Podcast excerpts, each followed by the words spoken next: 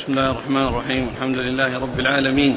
والصلاة والسلام على عبد الله ورسوله نبينا محمد وعلى آله وصحبه أجمعين. أما بعد قال الإمام مسلم بن الحجاج القشيري النيسابوري رحمه الله تعالى في صحيحه قال في كتاب الطهارة حدثنا يحيى بن أيوب وقتيبة بن سعيد وعلي بن حجر كلهم عن إسماعيل. قال ابن أيوب حدثنا إسماعيل بن جعفر قال أخبرني العلاء بن عبد الرحمن بن يعقوب مولى الحرقة عن أبيه عن أبي هريرة رضي الله عنه أن رسول الله صلى الله عليه وسلم قال الصلاة الخمس والجمعة إلى الجمعة كفارة لما بينهن ما لم تغش الكبائر. بسم الله الرحمن الرحيم. الحمد لله رب العالمين.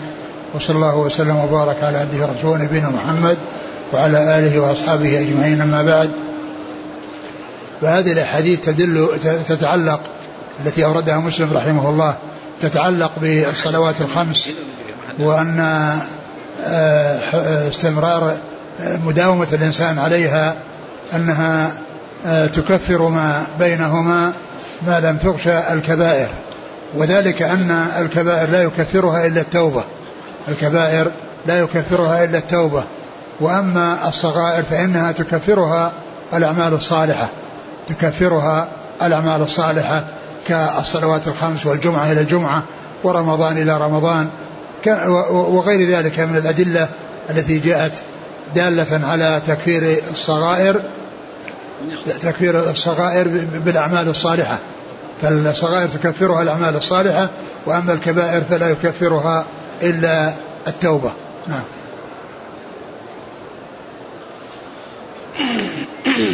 قال حدثنا يحيى بن أيوب وقتيبة بن سعيد وعلي بن حجر كلهم عن إسماعيل. قال ابن أيوب حدثنا إسماعيل بن جعفر نعم. عن العلاء بن عبد الرحمن بن يعقوب مولى الحرقة نعم. عن أبيه عن أبي هريرة نعم. عن أبي هريرة. نعم. قال حدثني نصر بن علي الجهضمي. قال أخبرنا عبد الأعلى. قال حدثنا هشام عن محمد عن أبي هريرة رضي الله عنه عن النبي صلى الله عليه وسلم أنه قال الصلوات الخمس والجمعة إلى الجمعة كفارات لما بينهن. وهذا مثل الذي قبله. قال حدثني نصر بن علي الجهضمي عن عبد الأعلى. نصر بن علي الجهضمي هذا أحد شيوخ أصحاب الكتب الستة. التسعة لأن أصحاب الكتب الستة لهم آه، شيوخ تسعة. كلهم رووا روى عنهم أصحاب الكتب الستة مباشرة وبدون واسطة. وهؤلاء آه، التسعة ذكرتهم فيما مضى وأعيد ذكرهم الآن وهو أن أن أصحاب الكتب الستة اتفقوا أو اتفق لهم أن صار تسعة أن كانوا تلاميذ لتسعة من الشيوخ الذين يروون الذي يأتي ذكرهم في الكتب الستة. وهم نصر بن علي الجهضمي هذا ومحمد بن مثنى ومحمد بن بشار ويعقوب بن إبراهيم الدورقي وعمرو بن علي الفلاس وأبو سعيد الأشج ومحمد بن العلاء بن كريب وزياد بن يحيى النكري ومحمد بن معمر البحراني. هؤلاء تسعة اتفق اتفق لأصحاب الكتب الستة أن كانوا تلاميذ تلاميذ لهم. فهم يرون عنهم مباشرة وبدون واسطة. وممن يعني كثرت الرواية رواية أصحاب الكتب الستة عنه وهو شيخ لأكثرهم قتيبة بن سعيد ولكنه ليس شيخا لهم جميعا بل هو شيخ لخمسة.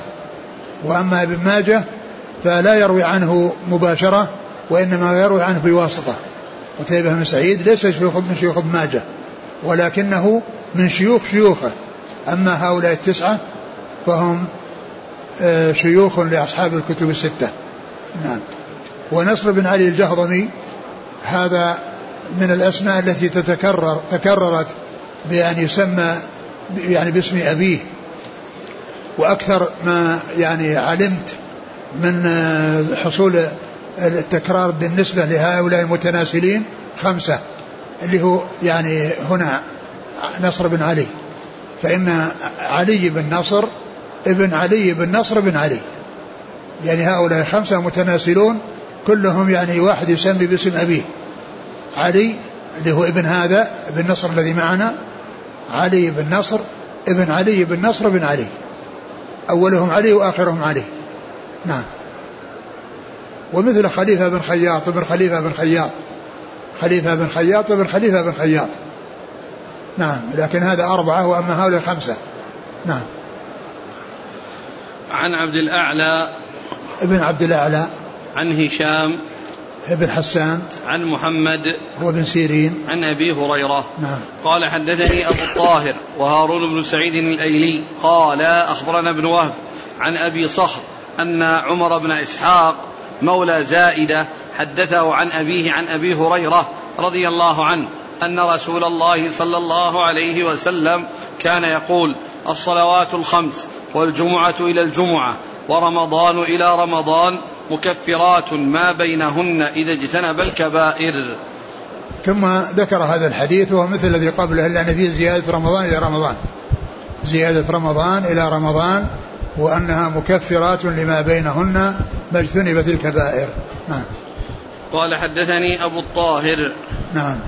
وهارون بن سعيد الأيلي نعم. عن ابن وهب عبد الله بن وهب. عن أبي صخر وهو ما أعرف. أبو صخر هو سعيد بن أبو آه شوف التقريب. حميد بن زياد. ها؟ حميد بن زياد حميد بن زياد أو حميد بن صخر. حميد بن زياد أو حميد بن صخر. نعم عن عمر بن عمر بن إسحاق مولى نعم. زائدة عن نعم. أبيه. نعم. عن أبي هريرة. نعم. قال رحمه الله تعالى حدثني محمد بن حاتم بن ميمون. قال حدثنا عبد الرحمن بن مهدي. قال حدثنا معاوية بن صالح عن ربيعة يعني بن يزيد عن أبي إدريس الخولاني عن عقبة بن عامر. حا قال وحدثني أبو عثمان عن جبير بن نفير عن عقبة بن عامر رضي الله عنه أنه قال كانت علينا رعاية الإبل فجاءت نوبتي فروحتها بعشي فأدركت رسول الله صلى الله عليه وسلم قائما يحدث الناس فأدركت من قوله ما من مسلم يتوضأ فيحسن وضوءه ثم يقوم فيصلي ركعتين مقبل عليهما بقلبه ووجهه إلا وجبت له الجنة قال فقلت ما أجود هذه فإذا قائل بين يدي يقول التي قبلها أجود.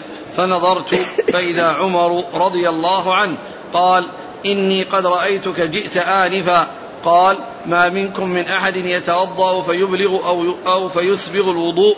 ثم يقول أشهد أن لا إله إلا الله وأن محمدا عبد الله ورسوله.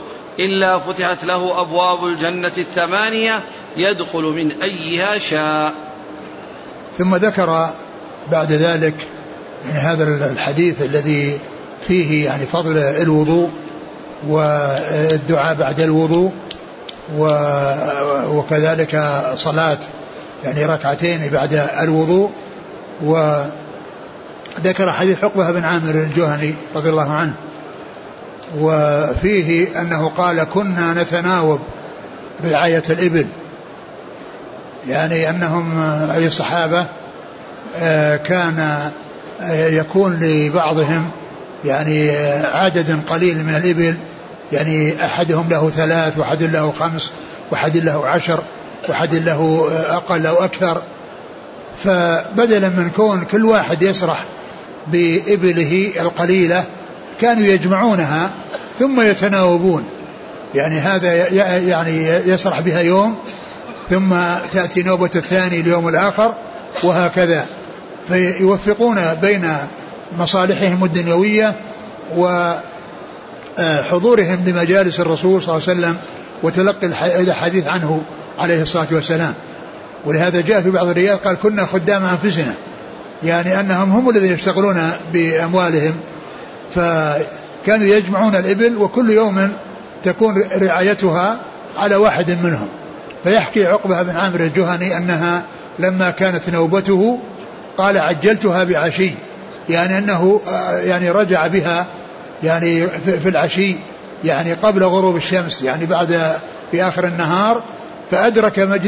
وأدخلها في يعني مراحها أو في أماكنها التي تكون فيها ثم جاء إلى النبي صلى الله عليه وسلم وحضر يعني بقية مجلسه وسمع منه قوله صلى الله عليه وسلم ما من مسلم يعني ما من مسلم يتوضأ فيحسن الوضوء ثم يصلي ركعتين آه، آه، آه، لا يحدث بهما نفسه مقبلا بقلبه وجهه إلا إلا قال مقبل عليهما بقلبه ووجهه إلا وجبت له الجنة. إلا وجبت له الجنة. هذا هو الذي سمعه عقبة بن عامر في اللقاء الذي أدركه مع رسول الله صلى الله عليه وسلم. فمن فرحه بهذا وفرحه بهذا الفضل الثواب هذا الفضل والثواب قال ما أجود هذا يعني تحدث وتكلم. يعني يعني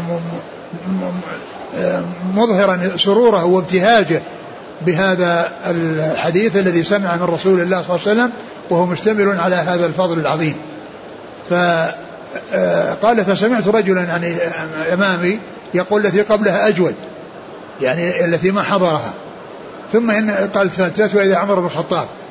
ثم بين الحديث الذي كان حدث به الرسول صلى الله عليه وسلم قبل أن يصل وقبل وصول عقبة ولو قال ما من مسلم ما من مسلم يتوضأ فيحسن الوضوء ما ثم يقول أشهد أن ما منكم من أحد يتوضأ فيبلغ أو يسبغ الوضوء ثم يقول أشهد أن لا إله إلا الله وأن محمدا عبد الله ورسوله. إلا فتحت له أبواب الجنة الثمانية يدخل من أيها شاء. هذه هذا هو الذي عناه عمر بقوله إن التي قبلها أجود. قال له أني, أني رأيتك جئت آنفا يعني أنك متأخر يعني ما حضرت الجلوس, من أوله. وهذا هو الذي اعتبره أجود وذلك لأن فيه هذا الفضل العظيم وهو أن من توضأ وأحسن الوضوء. ثم قال أشهد أن لا إله إلا الله وأشهد أن محمدا عبده ورسوله. إلا فتحت له أبواب الجنة الثمانية يدخل من أيها شاء. إلا فتحت له أبواب الجنة الثمانية يدخل من أيها شاء. فهذا هذا يعني فضل عظيم من الله عز وجل على عمل يسير وعمل قليل وهو الوضوء وإحسان الوضوء والدعاء بهذا الدعاء وبهذا الذكر الذي جاء عن رسول الله عليه الصلاة والسلام. ف وهو يدل على حرص الصحابة على الخير ومعرفة آه، الأعمال التي ومعرفة ثوابها عند الله ويدل أيضا على حرص الصحابة على إبلاغ بعضهم لبعض وإفادة بعضهم بعضا الشيء الذي فاته والذي لم آه، يدركه لأن عمر رضي الله عنه وأرضاه آه، لما سمع هذه الكلمة التي فرح, فرح بها وسر بها سرا عظيما في الحديث الأول الذي حضره عقبة أخبره بأن الذي سبق أن قاله الرسول صلى الله عليه وسلم قبل حضوره أنه أجود منه يعني أن فيه زيادة فضل لأنه قال يدخل أبواب الجنة الثمانية من أيها شاء إلا إلا أنه يعني يحصل له دخول الجنة أبواب الجنة الثمانية من, من, من أي باب شاء من هذه الأبواب الثمانية. نعم. قال حدثني محمد بن حاتم بن ميمون عن عبد الرحمن بن مهدي عن معاوية بن صالح عن ربيعة يعني ابن يزيد. معاوية بن صالح يعني يعني يتفرع منه طريقان من فوق. يعني يعني الإسناد يعني يستمر إلى معاوية بن صالح ثم بعد ذلك يكون هناك طريقان. يعني بعد ذلك يكون في طريقان. الطريق الأول إيش؟ عن معاوية بن صالح عن ربيعة يعني ابن يزيد إيه عن أبي إدريس الخولاني عن عقبة بن عامر. والطريق الثاني أبو قال وحدتني أبو كلمة حا وحدثني. هذه ترجع إلى معاوية بن صالح لا ترجع إلى مسلم لأن غالب التحويلات هذه تكون ترجع إلى مسلم ولكن هذه ترجع إلى معاوية بن صالح لأنه هو الذي يكون منه ابتداء الطريقين الطريق التي آه، تنتهي آه، التي فيها أبو إدريس الخولاني والطريقة التي فيها عبد الرحمن بن جبير هناك عن ربيعة بن يزيد عن أبي إدريس. لا الثاني عبد الرحمن بن جو عبد الرحمن أبو عثمان عن عبد عن جبير بن نفير. نعم عن جبير بن نفير نعم.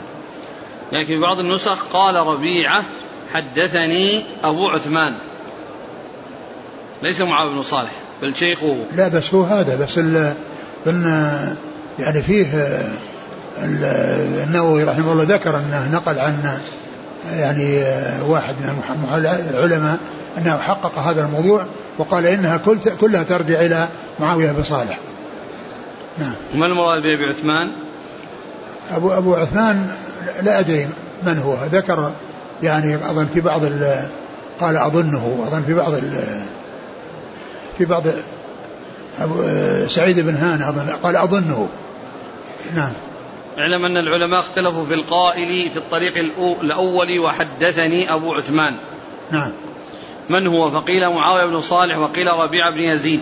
نعم. قال أبو علي الغساني الجياني في تقييد المهمل الصواب أن القائل هو معاوية بن صالح. نعم. قال وكتب أبو عبد الله بن الحذاء في نسخته قال ربيعة بن يزيد. وحدثني أبو عثمان عن جبير عن عقبة. قال أبو علي والذي والذي أتى في النسخة المروية عن مسلم هو ما ذكرناه أولا يعني ما قدمته أنا هنا. قال وهو الصواب. قال وما أتى به ابن الحذاء وهم, وهم منه. وهذا بين من رواية الأئمة الثقات الحفاظ. وهذا الحديث يرويه معاوية بن صالح بإسنادين. أحدهما عن ربيعة بن يزيد عن أبي إدريس عن عقبة. والثاني عن أبي عثمان عن جبير بن نفير عن عقبة. قال أبو علي وعلى ما ذكرنا من الصواب خرجه أبو مسعود الدمشقي فصرح وقال قال معاوية بن صالح وحدثني أبو عثمان عن جبير عن عقبة. ثم ذكر أبو علي طرقا كثيرة فيها التصريح بأن معاوية بن صالح بأنه معاوية بن صالح. وأطنب أبو علي في إيضاح ما صوبه. وكذا جاء التصريح بكون القائل معاوية بن صالح في سنن أبي داود. قال أبو داود حدثنا أحمد بن سعيد عن أبي وهب عن معاوية بن صالح عن أبي عثمان وأظنه سعيد بن هانئ نعم. عن جبير بن نفير عن عقبة قال معاوية وحدثني ربيعة بن يزيد عن أبي إدريس عن عقبة هذا لفظ أبي داود وهو صريح فيما قدمناه. إيه، هو قال إنه أتقن هذا اللي هو أبو علي الغساني. قال بعد ذلك أن أثنى على على ما كتب في هذا الموضوع. في آخره. قال وقد أتقن هذا قال وقد روى عبد الله بن وهب عن معاوية بن صالح هذا الحديث أيضا فبين الإسنادين معا ومن أي ومن أين مخرج مخرجهما.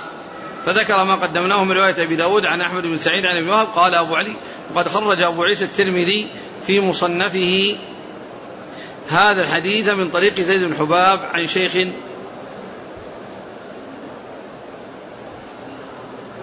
قال وأحسن طرقه ما خرجه مسلم بن الحجاج عن من حديث ابن مهدي وزيد بن حباب. قال هذا آخر كلام أبي علي الغساني وقد أتقن رحمه الله تعالى هذا إسناد غاية الإتقان. نعم. واسم أبي إدريس. أبو إدريس؟ أبو عائد الله.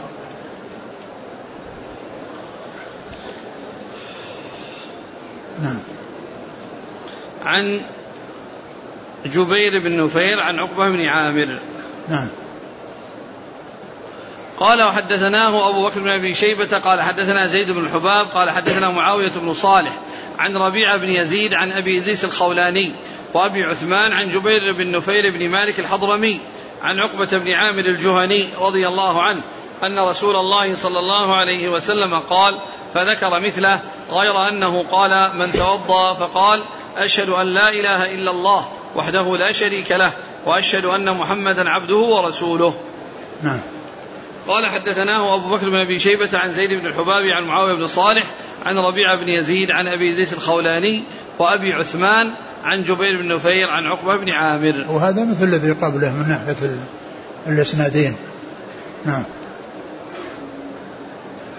قال رحمه الله تعالى حدثني محمد بن الصباح قال حدثنا خالد بن عبد الله بن عمرو بن يحيى بن عمارة عن أبيه. قال قال. حدثني محمد بن الصباح قال حدثنا خالد بن عبد الله عن عمرو بن يحيى بن عمارة عن أبيه عن عبد الله بن زيد بن عاصم الأنصاري وكانت له صحبة.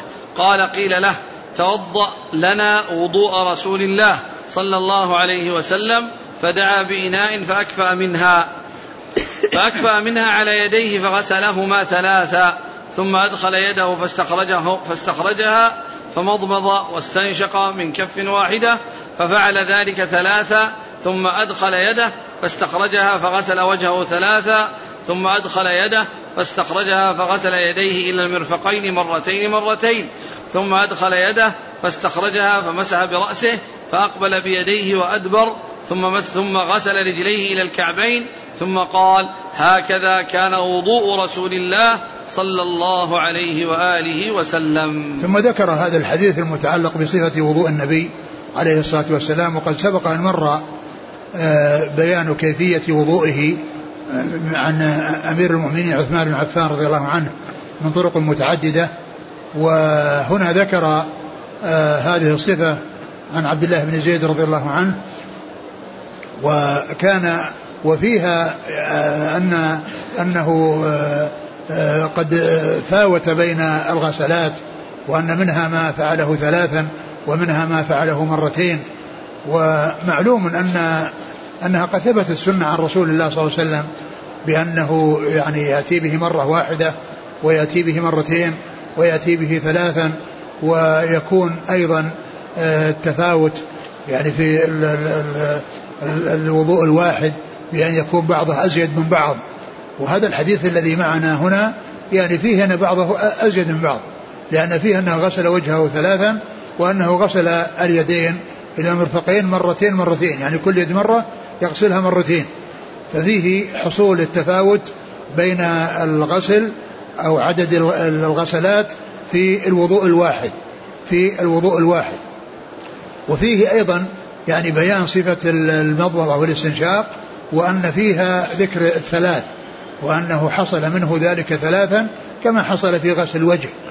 والاحاديث التي سبق أن مرت من حديث عمران من حديث عثمان رضي الله عنه ليس فيها ذكر التفصيل فيما يتعلق بالمضمضة والاستنشاق. وأنه آه، آه، أخذ يعني ماء ليتمضمض منه واستنشق يعني ثلاث فعل ذلك ثلاث مرات. يعني معناه أنه يأخذ الماء فيستنشق فيتمضمض منه بيده والباقي يستنشقه فيكون ذلك ثلاث مرات ففيه ذكر الثلاث وذكر العدد فيما يتعلق بالمضمضة والاستنشاق ولم يسبق ذلك آه، أو بيان ذلك في آه، الطرق التي جاءت عن عن عثمان بن عفان رضي الله عنه. نعم. قال حدثنا محمد بن الصباح عن خالد بن عبد الله. هو طحان. عن عمرو بن يحيى بن عمارة نعم. عن أبيه. نعم. عن عبد الله بن زيد بن عاصم. نعم.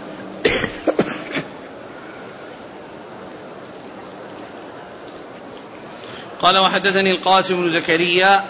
قال حدثنا خالد بن محمد قال حدثنا خالد بن مخلد عن سليمان هو ابن بلال عن عمرو بن يحيى بهذا الإسناد نحوه ولم يذكر الكعبين.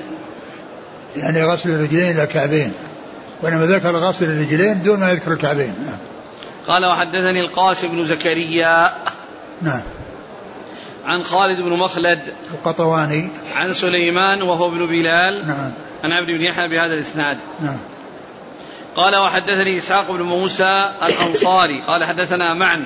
قال حدثنا مالك بن أنس عن عمرو بن يحيى بهذا الإسناد وقال مضمض واستنثر ثلاثا ولم يقل من كف واحدة وزاد بعد قوله فأقبل بهما وأدبر بدا بمقدم رأسه ثم ذهب بهما إلى قفاه ثم ردهما حتى رجع إلى المكان الذي بدأ منه وغسل رجليه. ثم ذكر يعني هذا الطريق التي فيها بيان مسح الرأس ولم يكن هذا جاء في حديث عثمان رضي الله عنه وإنما ذكر المسح لم ولم يأتي صفته ولكنه جاء وصف المسح بهذا الحديث. عن عبد الله بن زيد رضي الله عنه وقال إنه أقبل وأدبر. يعني عندما مسح رأسه أقبل وأدبر وأنه بدأ يعني من مقدم وجهه إلى قفاه ثم رجع إلى المكان الذي بدأ منه. وهذا التفصيل الذي جاء في هذه الرواية من أنه يبدأ بمقدم رأسه وينتهي إلى قفاه ثم يرجع يعني ليس بواضح مع قوله أقبل وأدبر. لأن جملة أقبل وأدبر يعني أن معنى أقبل يعني معناه أنه يعني حصل الإقبال أول والإدبار يعني ثاني. ولكن الحديث الذي جاء أو الرواية اللي بعدها قال بدأ بمقدم رأسه إلى قفاه ثم عاد إلى المكان الذي بدأ منه. في ف, ف, ف يعني يكون معنى قوله أقبل وأدبر إما أن تكون الواو لا تقتضي الترتيب وأن في أنها أنها أدبر وأقبل يعني فتكون أدبر وأقبل فتتفق. أو تكون أقبل يعني وأدبر يعني على على على بابها ولكنه آه، يكون معناها مثل ما يقال أنجد وأتهم. يعني أقبل يعني فعل الشيء المقدم ثم فعل الشيء المؤخر. لكن الرواية الثانية مفصلة لأنه يبدأ من أوله ثم إلى آخره ثم يرجع ثم يرجع. نعم. إلى المكان الذي بدأ منه. نعم. قال وحدثني إسحاق بن موسى الأنصاري. المتن خلاص انتهى. ثم ذهب بهما إلى قفاه ثم ردهما حتى رجع إلى المكان الذي بدأ منه وغسل رجليه. وغسل رجليه ولم يذكر يعني إلى الكعبين. ولكن آه، فيما يتعلق بالمرأة آه، إذا شعرها المسترسل لا يلزمها أن تمسح عليه إلى آخره وإنما تمسح إلى مؤخر الرأس وترجع مثل ما يفعل الرجل. مثل ما يفعل الرجل تفعل المرأة. وأما الشعر المسترسل الطويل الذي وراءها فإنها لا تمسح عليه وإنما تمسح على مقدار الرأس مثل ما يفعل الرجل. وكذلك الرجل إذا كان له شعر يعني طويل ولا كذا فإنه يفعل هذا الفعل مقدم الرأس إلى مؤخره ثم يرجع إلى المكان الذي بدأ منه لكن المسترسل لا يمسح عليه. نعم. قال حدثني إسحاق بن موسى الأنصاري نعم. عن معن. معن بن عيسى. قزاز. عن ما؟ عن عن مالك بن أنس. نعم. عن عمرو بن يحيى بهذا الإسناد. نعم. قال حدثنا عبد الرحمن بن بشر العبدي. قال حدثنا بهز. قال حدثنا وهيب. قال حدثنا عمرو بن يحيى بمثل أسنادهم. واقتص الحديث وقال فيه فمضمض واستنشق واستنثر من ثلاث غرفات. وقال أيضا فمسح برأسه فأقبل به وأدبر مرة واحدة. قال بهز أملى علي وهيب هذا الحديث؟ وقال وهيب أملى علي عمرو بن يحيى هذا الحديث مرتين؟ وذكر في هذه الرواية المضمضة والاستنشاق والانتثار. وذلك وبعضها ذكر الانتثار. ومعلوم أن الانتثار يأتي بعد الاستنشاق لأن الانتثار لا يكون بعد الاستنشاق. والاستنشاق هو جذب الماء بالنفس والانتثار هو إخراجه. يعني بعدما يختلط بالأوساخ التي في الأنف يخرجها. فمع الماء الذي أدخله فيكون هنا فيه الجمع بين الاستنشاق والانتثار. وبعضها يذكر فيه الاستنشاق وبعضها يذكر الانتثار لكن الثاني لازم للآخر. لأن من من من استنشق يعني إدخاله من أجل ينظف أنفه وانتثار هو إخراجه بعد إدخاله بعد إدخاله. نعم.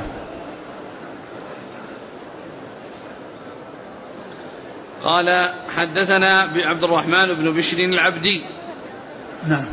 عن بهز. بهز بن أسد. عن وهيب. بن خالد. عن عمرو بن يحيى. نعم. قال بهز أملى علي وهيب هذا الحديث؟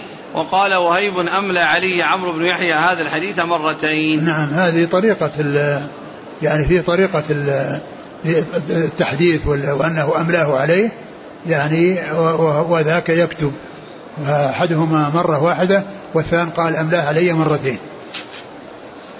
قال حدثنا هارون بن معروف حا قال وحدثني هارون بن سعيد الأيلي وأبو الطاهر قالوا حدثنا ابن وهب قال أخبرني عمرو بن الحارث أن حبان بن واسع حدثه أن أباه حدثه أنه سمع عبد الله بن زيد بن عاصم المازني يذكر أنه رأى رسول الله صلى الله عليه وسلم توضأ فمضمض ثم استنثر ثم غسل وجهه ثلاثا ويده اليمنى ثلاثا والأخرى ثلاثا ومسح برأسه بماء غير فضل يده وغسل رجليه حتى أنقاهما قال أبو الطاهر حدثنا ابن وهب عن عمرو بن الحارث ثم ذكر هذا الحديث من طريق أخرى وقال إيش في أوله؟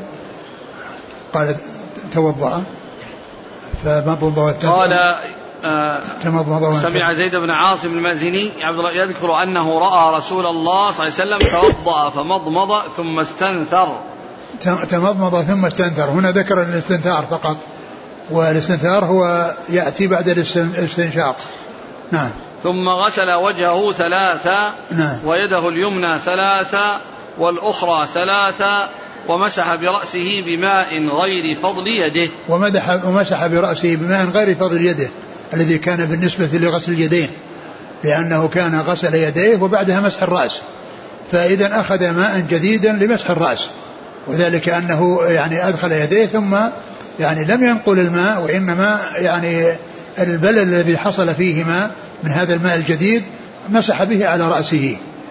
وليس المقصود من ذلك الغسل وأنه يغسله كما يغسل يديه ولهذا قال أخذ مسح بماء جديد غير فضل يديه. يعني يعني غير فضل يديه.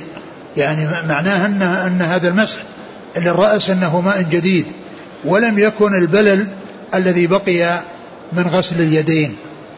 و والأحاديث هنا في صحيح مسلم ما تعرضت للأذنين ما تعرضت للأذنين لكن جاء في بعض الروايات الصحيحة.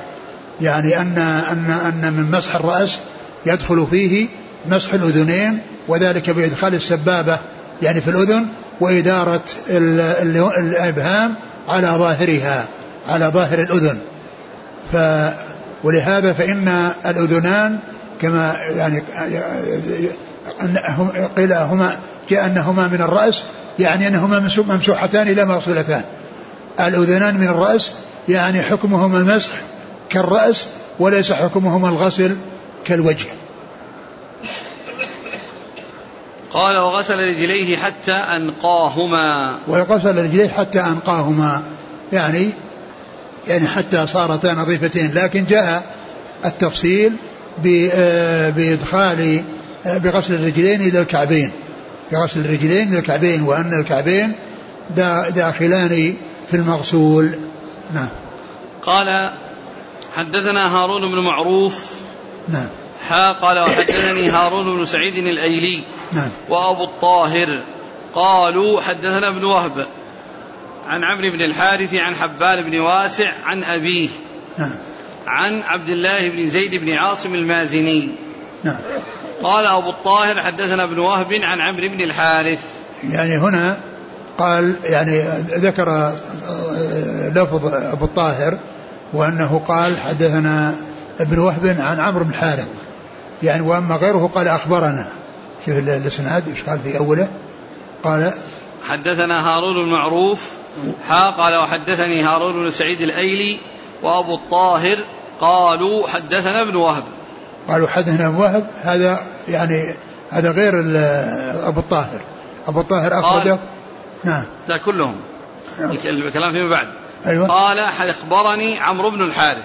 نعم أخبرني. عمرو بن الحارث. بينما أيه. هنا أيه. نعم. عن. أين أخبرني عمرو بن الحارث. هو في الأول. قال أخبر إيش قال أبو قال أبو الطاهر؟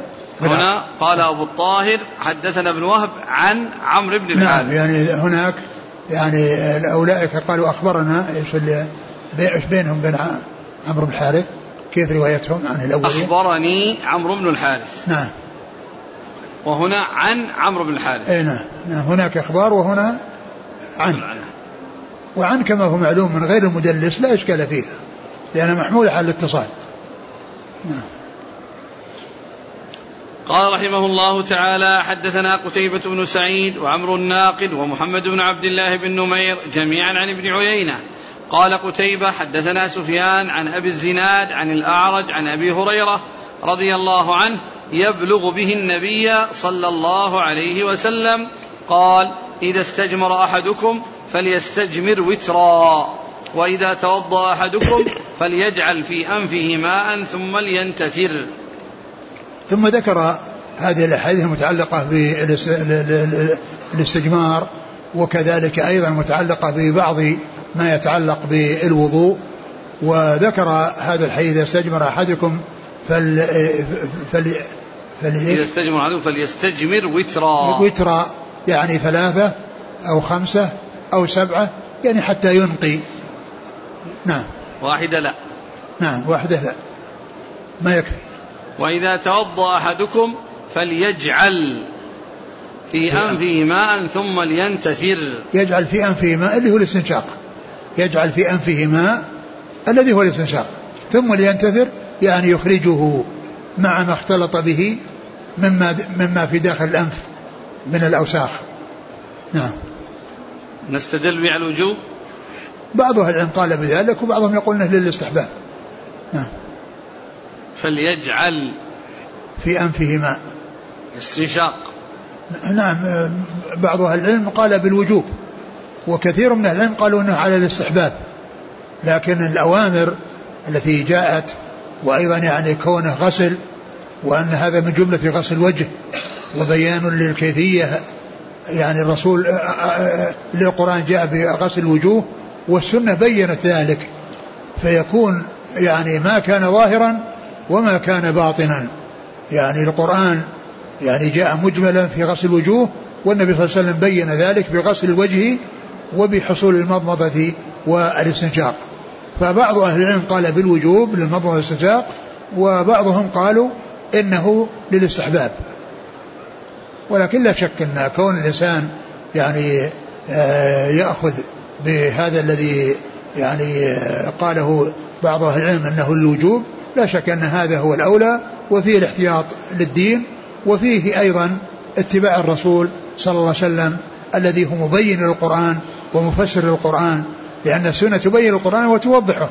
والقرآن جاء بذكر الوجه والسنة جاءت ببيان أن من الوجه المضمضة والاستنشاق قال حدثنا قتيبة بن سعيد. والاستجمار هو الحجارة الحجارة الصغيرة.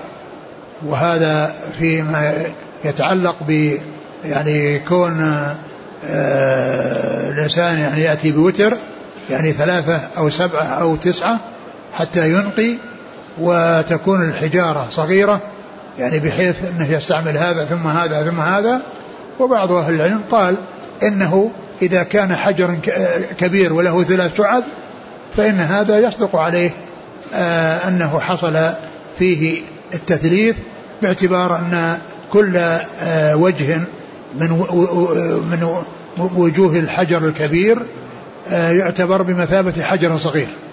نعم.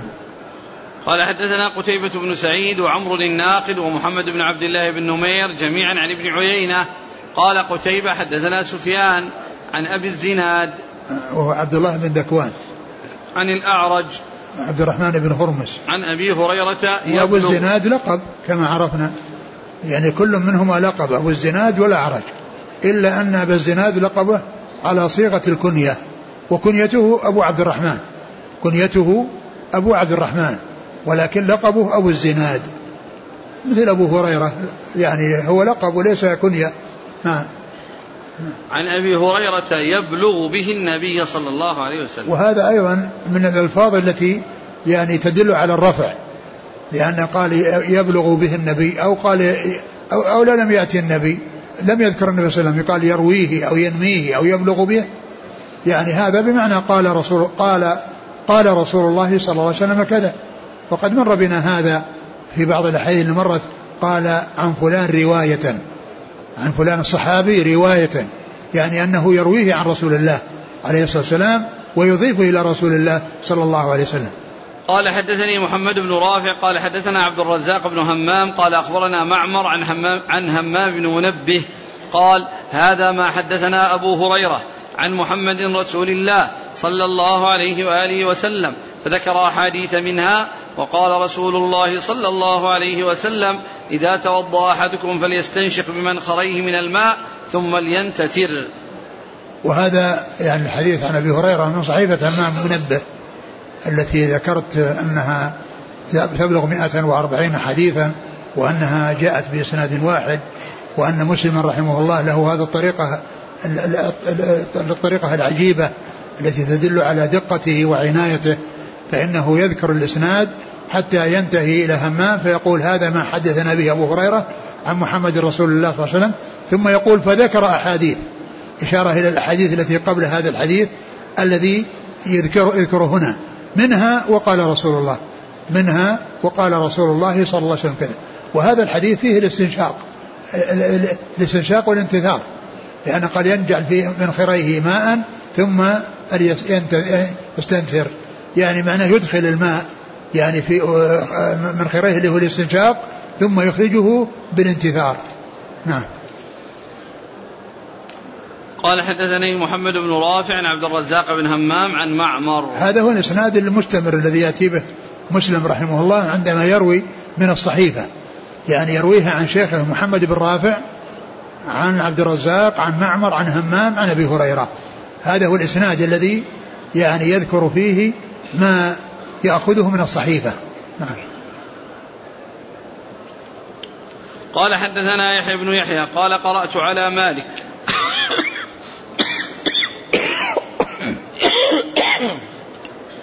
عن ابن شهاب عن أبي إدريس الخولاني عن أبي هريرة رضي الله عنه أن رسول الله صلى الله عليه وسلم قال من توضأ فليستنثر ومن استجمر فليوتر. وهذا مثل الذي قبله. قال حدثنا يحيى بن يحيى نعم التميمي. عن قال قرأت على مالك. نعم. عن ابن شهاب. نعم. عن أبي إدريس الخولاني عن أبي هريرة. نعم. قال حدثنا سعيد بن منصور. قال حدثنا حسان بن إبراهيم. قال حدثنا يونس بن يزيد. حا. قال وحدثني حرملة بن يحيى. قال أخبرنا ابن وهب. قال أخبرني يونس عن ابن شهاب. قال أخبرني أبو إدريس الخولاني. أنه سمع أبا هريرة وأبا سعيد الخدري رضي الله عنهما يقولان قال رسول الله صلى الله عليه وسلم بمثله. نعم. قال حدث قال حدثنا سعيد بن منصور عن حسان بن إبراهيم عن يونس بن يزيد حا قال وحدثني حرملة بن يحيى عن ابن وهب عن يونس عن ابن شهاب. يعني يونس الثاني هو اللي جاء في الإسناد الأول يونس بن يزيد الأيلي. نعم. الراوي عن ابن شهاب. عن أبي إدريس الخولاني عن أبي هريرة وابي سعيد. نعم. قال حدثني بشر بن الحكم العبدي قال حدثنا عبد العزيز يعني الدراوردي عن ابن الهاد عن محمد بن إبراهيم عن عيسى بن طلحة عن أبي هريرة رضي الله عنه أن النبي صلى الله عليه وسلم قال إذا استيقظ أحدكم من منامه فلينتثر ثلاث مرات فإن الشيطان يبيت على خياشيمه. ثم ذكر هذا الحديث المتعلق بكون الإنسان يعني يفعل هذا الفعل وهو أنه ينتثر يعني وأنه ومعلوم الانتثار مع الاستنشاق يعني ينتثر فإذا كان توضأ حصل المقصود وإن لم يعني يتوضأ وفعل هذا الفعل فإن هذا يعني آه، آه، فيه آه، المبادرة إلى التخلص من يعني من أذى الشيطان الذي كان يبيت على على على خياشيمه نعم. الآن هذا في الوضوء ولا غير الوضوء؟ يعني يبدو أنه إذا كان توضأ إذا كان توضأ بعد ما يقوم فإنه حصل المقصود. وإن كان أنه ما توضأ وأنه ما أراد أن يتوضأ يفعل هذا الفعل. قال حدثنا بشر بن حكم قال حدثني بشر بن الحكم العبدي عن عبد العزيز الدراوردي عن ابن الهاد وهو وهو يزيد بن عبد الله بن أسامة بن الهاد عن محمد بن إبراهيم عن عيسى بن طلحة عن أبي هريرة. نعم. قال حدثنا إسحاق بن إبراهيم ومحمد بن رافع. قال ابن رافع حدثنا عبد الرزاق. قال أخبرنا ابن جريج. قال أخبرني أبو الزبير أنه سمع جابر بن عبد الله رضي الله عنهما يقول قال رسول الله صلى الله عليه وسلم إذا استجمر أحدكم فليوتر. نعم وهذا مثل ما تقدم. قال حدثنا إسحاق بن إبراهيم ومحمد بن رافع عن عبد الرزاق عن ابن جريج. عبد الملك بن عبد العزيز بن جريج. عن أبي الزبير. وهو محمد بن مسلم بن تدرس. عن جابر بن عبد الله. قال رحمه الله تعالى حدثنا هارون بن سعيد الأيلي وأبو الطاهر وأحمد بن عيسى قالوا أخبرنا عبد الله بن وهب عن مخرمة بن بكير عن أبيه عن سالم مولى شداد قال دخلت على عائشة زوج النبي صلى الله عليه وسلم يوم توفي سعد بن أبي وقاص فدخل عبد الرحمن بن أبي بكر فتوضأ عندها فقالت يا عبد الرحمن أسبغ الوضوء فإني سمعت رسول الله صلى الله عليه وسلم يقول ويل للأعقاب من النار.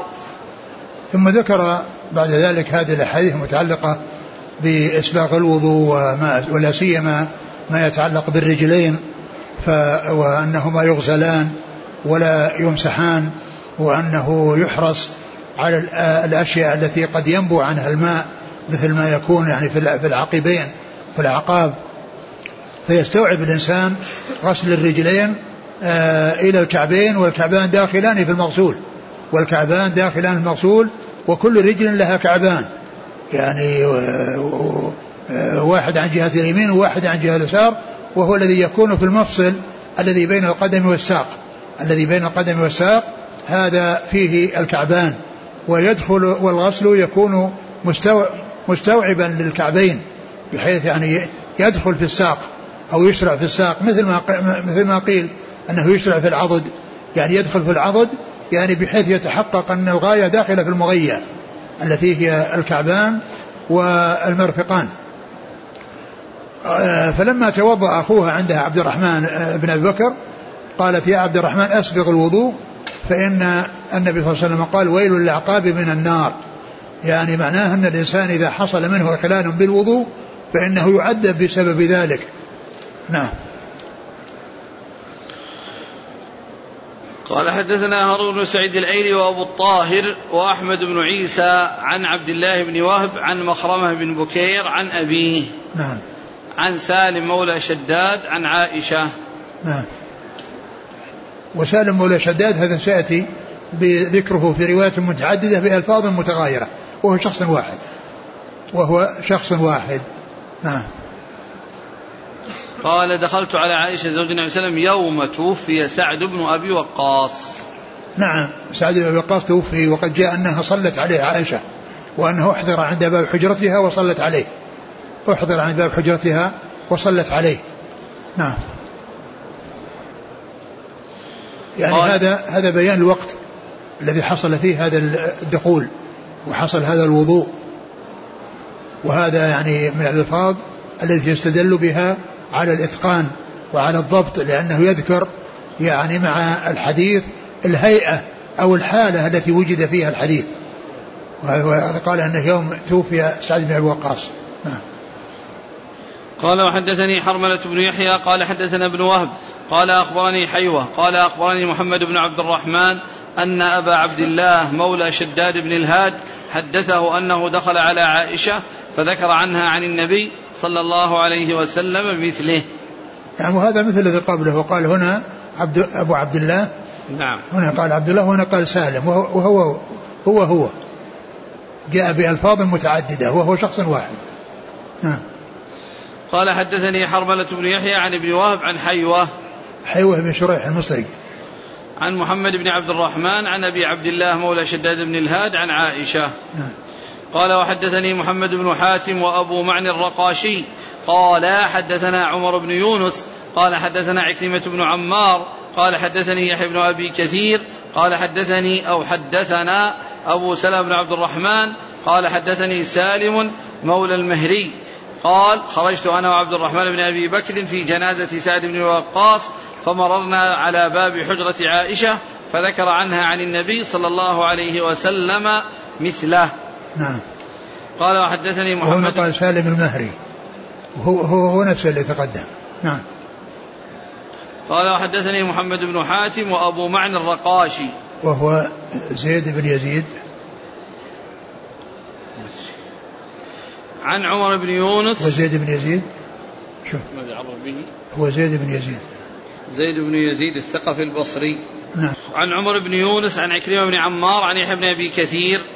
أو عن أبي سلمة بن عبد الرحمن عن سالم مولى المهري. نعم. عن عائشة. نعم.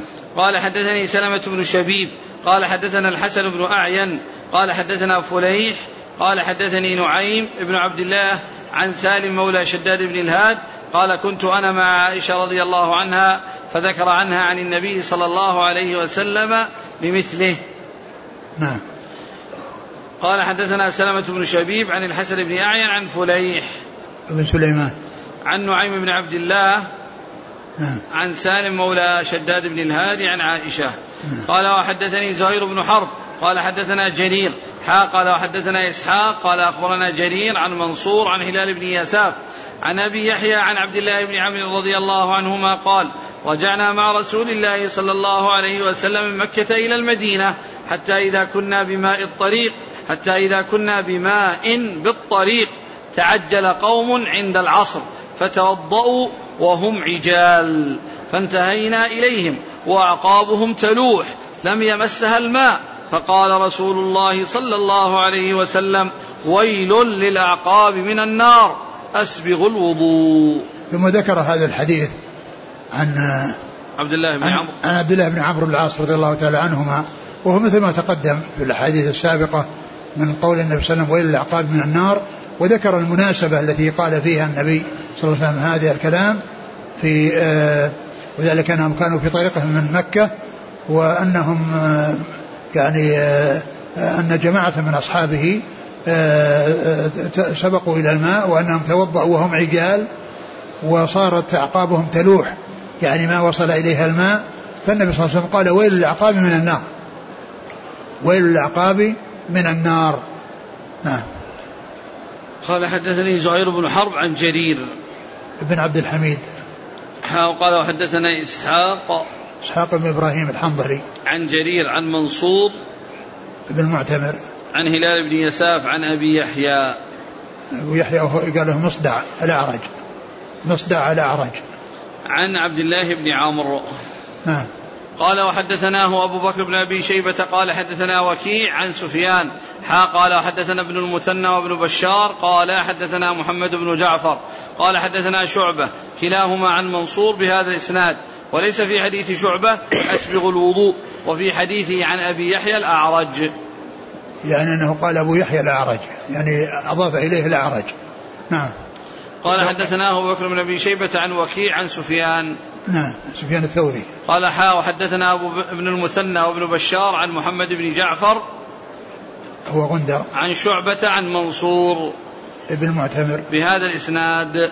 قال حدثنا شيبان بن فروخ وأبو كامل الجحدري جميعا عن أبي عوانة. قال أبو كامل حدثنا أبو عوانة عن أبي بشر عن يوسف بن ماهك عن عبد الله بن عمرو قال تخلف عنا النبي صلى الله عليه وسلم في سفر سافرناه فأدركنا وقد حضرت صلاة العصر. نعم نعم. عن عبد الله بن عمرو رضي الله عنهما قال تخلف عنا النبي صلى الله عليه وسلم في سفر سافرناه فأدركنا وقد حضرت صلاة العصر فجعلنا نمسح على أرجلنا فنادى ويل للأعقاب من النار. ثم ذكر هذا الحديث عن عبد الله بن عمرو من طريق أخرى وفيه التعبير بالمسح. والمسح المقصود به الغسل لأن الأحاديث يعني الأخرى يعني بين ذلك ولكنه عبر بالمسح. وإلا فإن الأحاديث يعني كلها بذكر الغسل. فإذا الغسل هو المسح الذي جاء في الحديث معناه هو الذي جاء في الطريقة السابق والطرق الأخرى أنهم كانوا يغسلون أنه المقصود به الغسل وليس المسح. الذي كانوا يمسحون على أقدامهم. و ولهذا النبي صلى الله عليه وسلم قال ويل العقاب من النار. وهذا يفيد بأن القضية قضية غسل وليست مسح لأنه حصل أن الأعقاب لم يصل إليها الماء أو لم يتمكن منها الماء فالنبي عليه الصلاة والسلام رآها تلوح وقال ويل للعقاب من النار. و يعني هذا المسح أو المسح يعني على يعني على مسح الرجلين يعني له غير المسح على الخفين يعني يأتي ذكره يعني مضافا إلى محمد بن جرير الطبري رحمه الله. ولكن يعني هذا النسبة غير صحيحة لأن هناك شخص آخر رافضي اسمه محمد بن جرير بن رستم يوافقه في اسمه واسم أبيه وفي كنيته وفي بلده فلهذا حصل الاشتباه بينه وبينه ولهذا الحافظ ابن حجر لما ذكر ترجمة ابن جرير في الميزان في اللسان عقبه بترجمة محمد بن رستم بن جرير بن رستم وقال إن الذي آه، نسب إلى آه، ابن جرير إن إنما هو بسبب اشتباهه بهذا. فيكون معناه نسب إليه ما جاء عن هذا الرافضي الذي يقال له محمد بن جرير بن رستم. يعني يختلف عنه باسم الجد وإلا فإنه وافقه بالكنية وبالاسم واسم الأب والبلد.